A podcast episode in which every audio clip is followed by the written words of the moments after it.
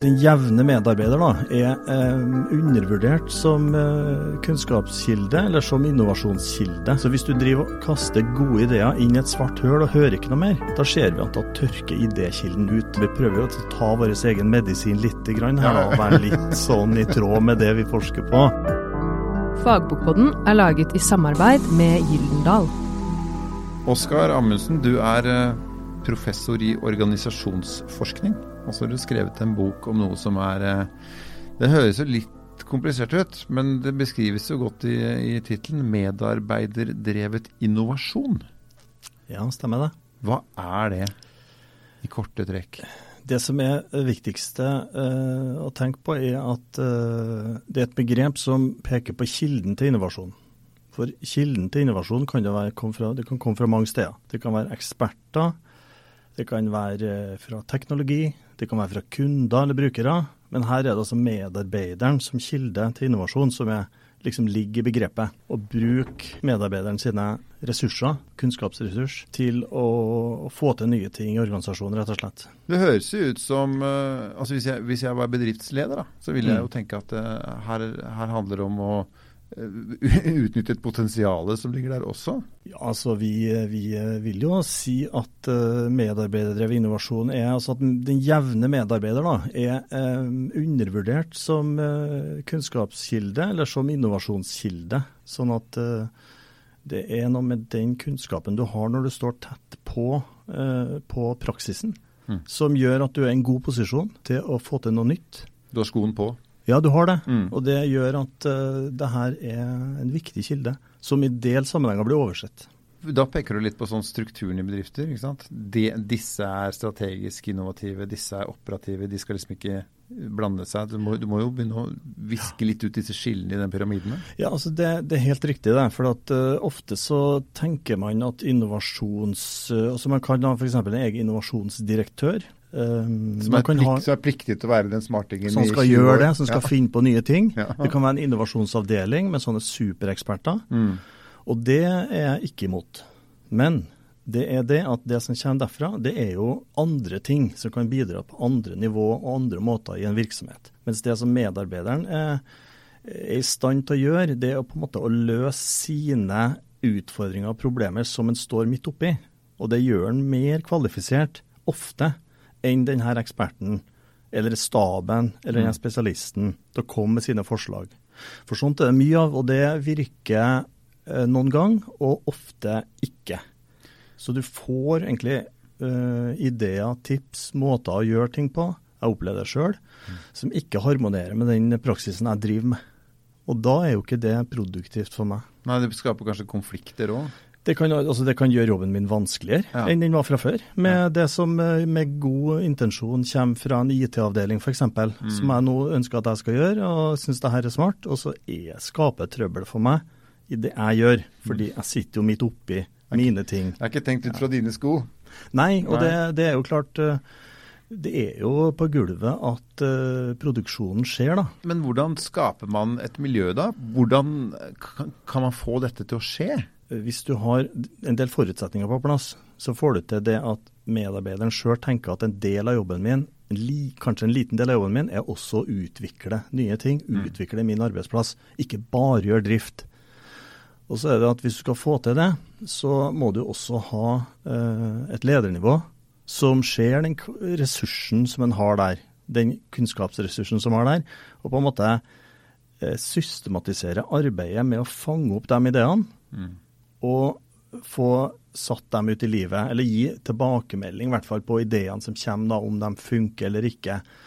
Eh, for hvis du får til et sånt system, så vil folk fortsette å foreslå nye ting. Og så vil du på en måte få en, eh, en prosess der du kan fange opp noe som er realistisk å gjøre, andre ting er ikke realistisk, av økonomiske grunner f.eks. Mm. Så får, du, du må jobbe på en måte med å lage så det her med medarbeiderdrevet innovasjon, da, det handler ikke bare om å si at alle er velkommen med ideer. Det, det er fint. Alle er velkommen. Det, det, er vanlig å si. Men det er ikke nok. Vi vil at det skal være mer systematikk rundt det. Vi vil at det skal være en gruppe som uh, fanger opp ideene, som kvalifiserer ideene, og som uh, at ledere tar hensyn til om det trengs ressurser til det her. Og ikke minst tar med også medarbeiderne på vurderingene av de løsningene som kommer. For noen ganger så er det jo sånn at du får løsninger og nye ideer og prøver ut ting som viser seg ikke er noe smart. Mm. Og, og dem som er da best til å vurdere at det her ikke er noe smart, er også ofte medarbeideren. Som ser at det her funka ikke. Ja, Men så må Fordi- jeg også tåle at ideen min viste seg å være dårlig. da. Ja. Og det, Det er ikke så lett, det heller. Jo, men altså det som vi ser i forskninga, det er at eh, folk eh, tåler å få nei. De tåler at de fleste ideene, faktisk de fleste ideene, ikke blir realisert. Ja, det er sånn det Men det folk gjerne vil, de vil gjerne ha en, en eller annen form for respons. Mm. Så hvis du driver og kaster gode ideer inn i et svart høl og hører ikke noe mer, da ser vi at da tørker idékilden ut. Da er slutter å folk komme å det. Nei, ikke sant. Mm. Og den der mekanismen, den funker. Folk godtar at det må gjennom ei kvern, men de vil gjerne, for, vil gjerne bli tatt på alvor og vite at ideen Det var i hvert fall noen som sa at det var bra jeg kom med den.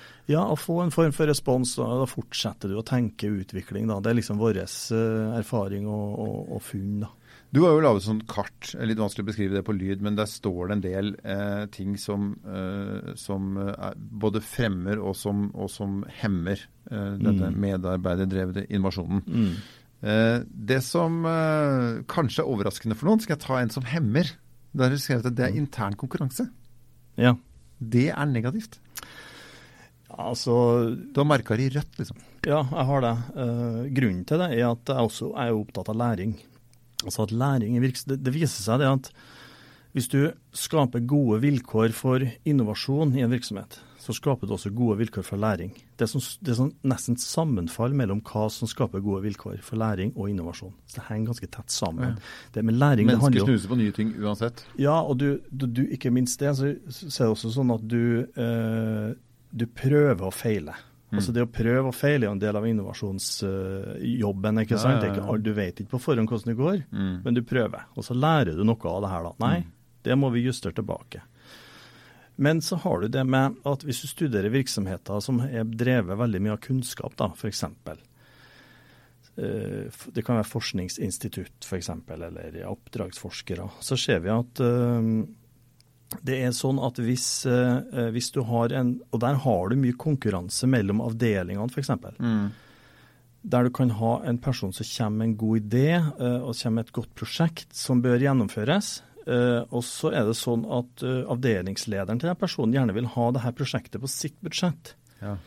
Så han sier at eh, det her skal vi gjøre. Og så vet han herren her som kommer ideen at naboavdelinga Mm, er de er enda bedre Ja, de på det her, bedre, ja. men vi beholder den likevel hos oss.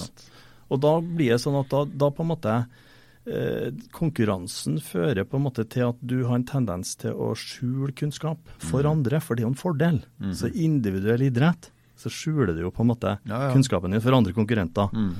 Og da, og da demper du jo på en måte læringsevnen og innovasjonsevnen i virksomheten som helhet. rett og slett. Ja, og utvekslingen av alt. Eh, Utveksling av ideer, Ja. utveksling av kunnskap. Fordi det altså, så en konkurransesituasjon er eh, altså Det er litt kontroversielt, kanskje, for at konkurranse gir, altså er også en driver for veldig mye sånn eh, Det, det gir også mye energi. Mm. Så det her, Men jeg bare vil påminne om det. at ikke sette opp folk liksom internt mot hverandre i konkurranse alltid. For noen ganger så demper det eh.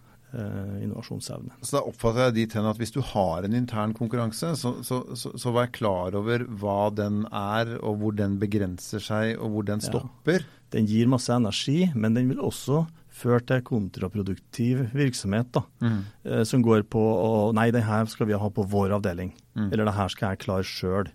Hvis jeg involverer, deler gode, all kunnskapen jeg har nå, så vinner jo han over meg i denne konkurransen. Så det, men eh, mye, av, mye av virksomheten i samfunnet vårt er organisert som konkurranse. og det og det, det er greit, eh, men man skal være klar over det, Mm. sånn at man kan liksom uh, rigge det her på en fornuftig måte. da. Og det er jo litt Jeg, jeg kom på en gang jeg så en fotballtrener uttale seg hvordan finner du en lagkaptein? Det er jo en konkurranse, det òg. Mm. Men da var det president som løftet blikket og eh, tok ansvar for totalen, og ikke bare sine egne ting, Ikke som ble kapteinen. Så Ja. det er jo Ja. konkurranse eksisterer på så mange ja. plan. Da. Ja, ja, ja. Og så er det et annet uh, sånn rød, rødmerke du har, som uh, heter kontroll. Mm. Altså Alle bedrifter må jo ha en viss kontroll, men hvor er den, hvor er den innovasjonshemmende? Nei, altså det som, det som, er litt viktig med, med, med på en måte altså Det som du sier, altså man skal ha respekt for at folk vil ha kontroll i sin virksomhet. Og Her er det jo veldig avhengig av hva du driver med.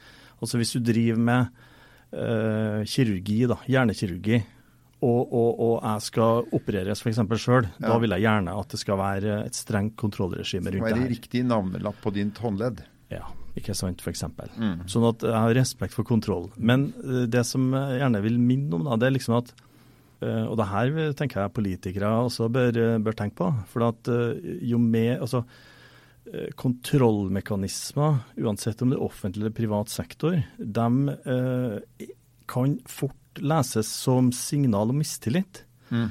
Altså Du blir kontrollert, oh, ja. for vi stoler ikke helt på at du gjør det du skal gjøre, egentlig. Riktig. Og Derfor så vil vi gjerne at du fyller ut alle de her skjemaene hver på slutten av hver dag, mm. sånn at vi er sikre på at du har gjort det som du skal. Mm. Og, det er, og, det er, noe som eh, altså De signalene om mistillit de kan fort gå utover motivasjonen for jobben. Som på en måte kan gå utover kreativiteten. Eh, for at uh, sviktende motivasjon fører ofte til sviktende kreativitet. Mm.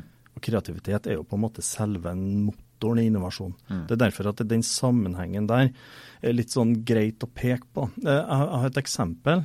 Det er en som jobber på et sykehjem en pleier, der man har regler. Vanligvis skal man være to for å skifte på senga. Dette er et sykehjem med veldig syke pasienter, veldig, uh, pasienter som ikke kan stå på senga. Så du skal skifte på senga er en stor jobb. Og så står uh, denne pleieren i en situasjon der hun er alene med en pasient pga. sykdom, så står hun i en lein situasjon. Og Så finner hun en måte der hun bruker uh, søppelsekker på kjøkkenet, nabokjøkkenet, som hun tar inn. Og så bruker hun dem til å klare å skifte på senga til denne pasienten alene. Mm. Ved å dra pasienten halve senga. Dette er en skrøpelig liten pasient. Og så skifter du på den delen, og så drar, skyver du til andre sida, så tar du av det siste. Og Dette viser seg å være en veldig god, uh, god uh, måte å gjøre det på, både for pasienten som da slipper å henge i de her reimene og de her systemene som man vanligvis bruker. Bare skli frem og tilbake. Skli frem og tilbake. Ja. Og det er en god, god, operasjon også for pleieren, som føler liksom at pasienten blir ivaretatt i det her. da. Mm. Eh, men det som er, det er at det her eksempelet er en, det er en historie som dukker opp tilfeldig. Fordi at denne pleieren hun holder denne løsningen sin hemmelig. Fordi at i protokollen i denne kommunen så står jo de reglene som står. Og det er en veldig rigid, eh, streng kontroll av at folk følger alle prosedyrer. Mm. Og Det fører til at hun skjuler denne lille innovasjonen som hun gjør. Mm. Som jo er en interessant sak, både for pasienten og for pleieren. Og budsjettet, ja. Og budsjettet. Så, og hun, hun, skjuler den. Det kommer fram på bare via via det her at hun har løst det på den måten. Hun er redd for at det skal komme og sige opp til, til avdelingslederen, mm. for da vil hun få korreks. Mm. Så det viser på en måte hvordan kontrollsystemene kan virke negativt da, på innovasjonsevnen. For at hun løser sitt. Mm. Men greia er at hvis du har en god organisasjon, så løser hun det her, og så kan hun bringe det her inn i arbeidsfellesskapet til diskusjon. Andre kan også gjøre det sånn. Og andre kan være med å diskutere om det her var en fornuftig måte å gjøre det på, eller kanskje det er innvendinger. ikke sant? Men, så det er sånn. Sitter også og tenker på en del av de andre punktene dine, med, med, med, med tillit Eh, og åpenhet. Altså Hvis du bruker søppelsekkene fra nabokjøkkenet til å snu en pasient til det norske helsevesenet, så er det sikkert nok folk som syns at det er både, eh, både, lite verdig og på det ene og Spørsmålet om presenterer ting mm. også. Mm. Mm. Så man må jo også ha tro på at de rundt en ser på en idé som en idé, og ikke bare noe man også skal sable ned fordi at det ikke er akkurat sånn som det skal være. Ja, altså Vi har jo sett eh, det, eh, altså forskninga på medarbeiderdrevet innovasjon, og det gjelder egentlig innovasjon generelt i virksomheter, det, den eh, sier noe om at det her må være å ha en trygghet i bånn. Mm. Altså ha en trygghet i kulturen. Det er en viktig forutsetning for å få til det her. Og det handler om at øh, du skal tørre å på en måte tenke høyt og spørre dumme spørsmål i hermetegn. Ja, og det liksom er noe med at uh, hvis du ikke har den tryggheten, så går du glipp av veldig mye. Eh, har du noen uh, tips? da? Du, altså, du, er jo professor i organisasjonsforskning, intet mindre. Styrer med livslang læring og organisasjoner. Hva, er, det noen, sånn, er det noen sånne hotte tips hvor du tenker at hvis man bare gjør, tenker litt sånn, så får man ting til å rulle? Ja, altså I denne boka nå, som har kommet så har vi også eh, som vedlegg bakerst er en håndbok i medarbeiderdrevet innovasjon. Mm. Bare si Boken er en uh, antologi, mange forfattere. Du uh, er enig? ja? Jeg er enig, og så har jeg vært med som redaktør sammen med to andre. Altså Der har vi også bakerst i eh, altså Vi, å, vi har prøvd å lage en, en, håndbok i det her som er i samarbeid med dem som, som vi var forska med, da kan du si. Sånn at det skal være tips som er litt sånn relevant og grei å forholde seg til. Så at ikke bare sånne professoren som kommer med sine råd. da, Vi prøver jo å ta vår egen medisin litt grann her, da, og være litt sånn i tråd med det vi forsker på. Ikke dumt. Med. Ja, ikke dumt. Og da har vi laga noen råd. Så det som jeg har, jeg har noen sånn praktiske tips. Eh, det første vi, vi sier, det er at man må ta ned det her ordet innovasjon litt. Grann. Ta litt ned. Det blir eh, faktisk eh, litt stort og skremmende for mange. Få på en måte snakka litt om at det her handler om å løse de problemene du står overfor, på nye måter. Mm. Det kan være små ting. Og du kan være innovativ? Ja, jeg kan ta et eksempel. En hjemmehjelper som uh, har en uh, bruker som sitter i andre etasjen på et rekkehus. Og hun, er, hun sitter der og hekler. Hun er døv. Hun ser veldig dårlig. Uh, men ellers godt humør. Mm. Eh, så har denne pleieren et eh, problem. og det er at eh, Når hun låser seg inn og kommer opp trappa der hvor brukeren sitter, så skvetter brukeren veldig. Mm. Og Det er veldig ubehagelig for begge parter. Mm. Det å bli overraska på den måten. Her er en person langt oppi åra, sånn at det å liksom få en sånn ordentlig skvett, det er liksom skummelt. Skrive og skremme de flere ganger i uka? Nei. Nei, ikke sant. Uh, og, så, uh, og så gjør denne pleieren en liten innovasjon. Uh, når hun låser seg inn i døra her, det får jo ikke, ikke brukeren med seg, så stamper hardt i gangen. Ja. Så det blir vibrasjoner i bygningen mm. som gjør at når hun kommer opp trappa, så er brukeren forberedt på at mm. nå er det noen som kommer inn i huset her, nå er jeg på vei opp. Uh, og det er, en, det er, en, liten innovasjon som er bra for brukeren og bra for pleieren. Og så er det bare at det som er viktig da i forhold til medarbeiderdrevet innovasjon, da, hvis man skal jobbe med det konseptet, det er at da skal ikke den løsningen der forbli i relasjon mellom brukeren og pasient bare. Da skal den kunne løftes inn i et arbeidsfellesskap, sånn at andre kan også ta det ut. Med lignende problematikk. Være med å diskutere det. Mm. Være med å evaluere. Er det her fornuftig? Så det er liksom det som er det, som er, det her med å ta ned innovasjon. Det trenger ikke å være en ny robot, liksom. Det der er også innovasjon. Jeg syns du tok det greit ned nå. Ja. Når det handler om å trampe i gangen ja. før du går opp trappa. Ja, det er en smart, vet du. Og det er en ny måte å gjøre det på. Du hørte Fagbokpodden, som er laget i samarbeid med Gyldendal.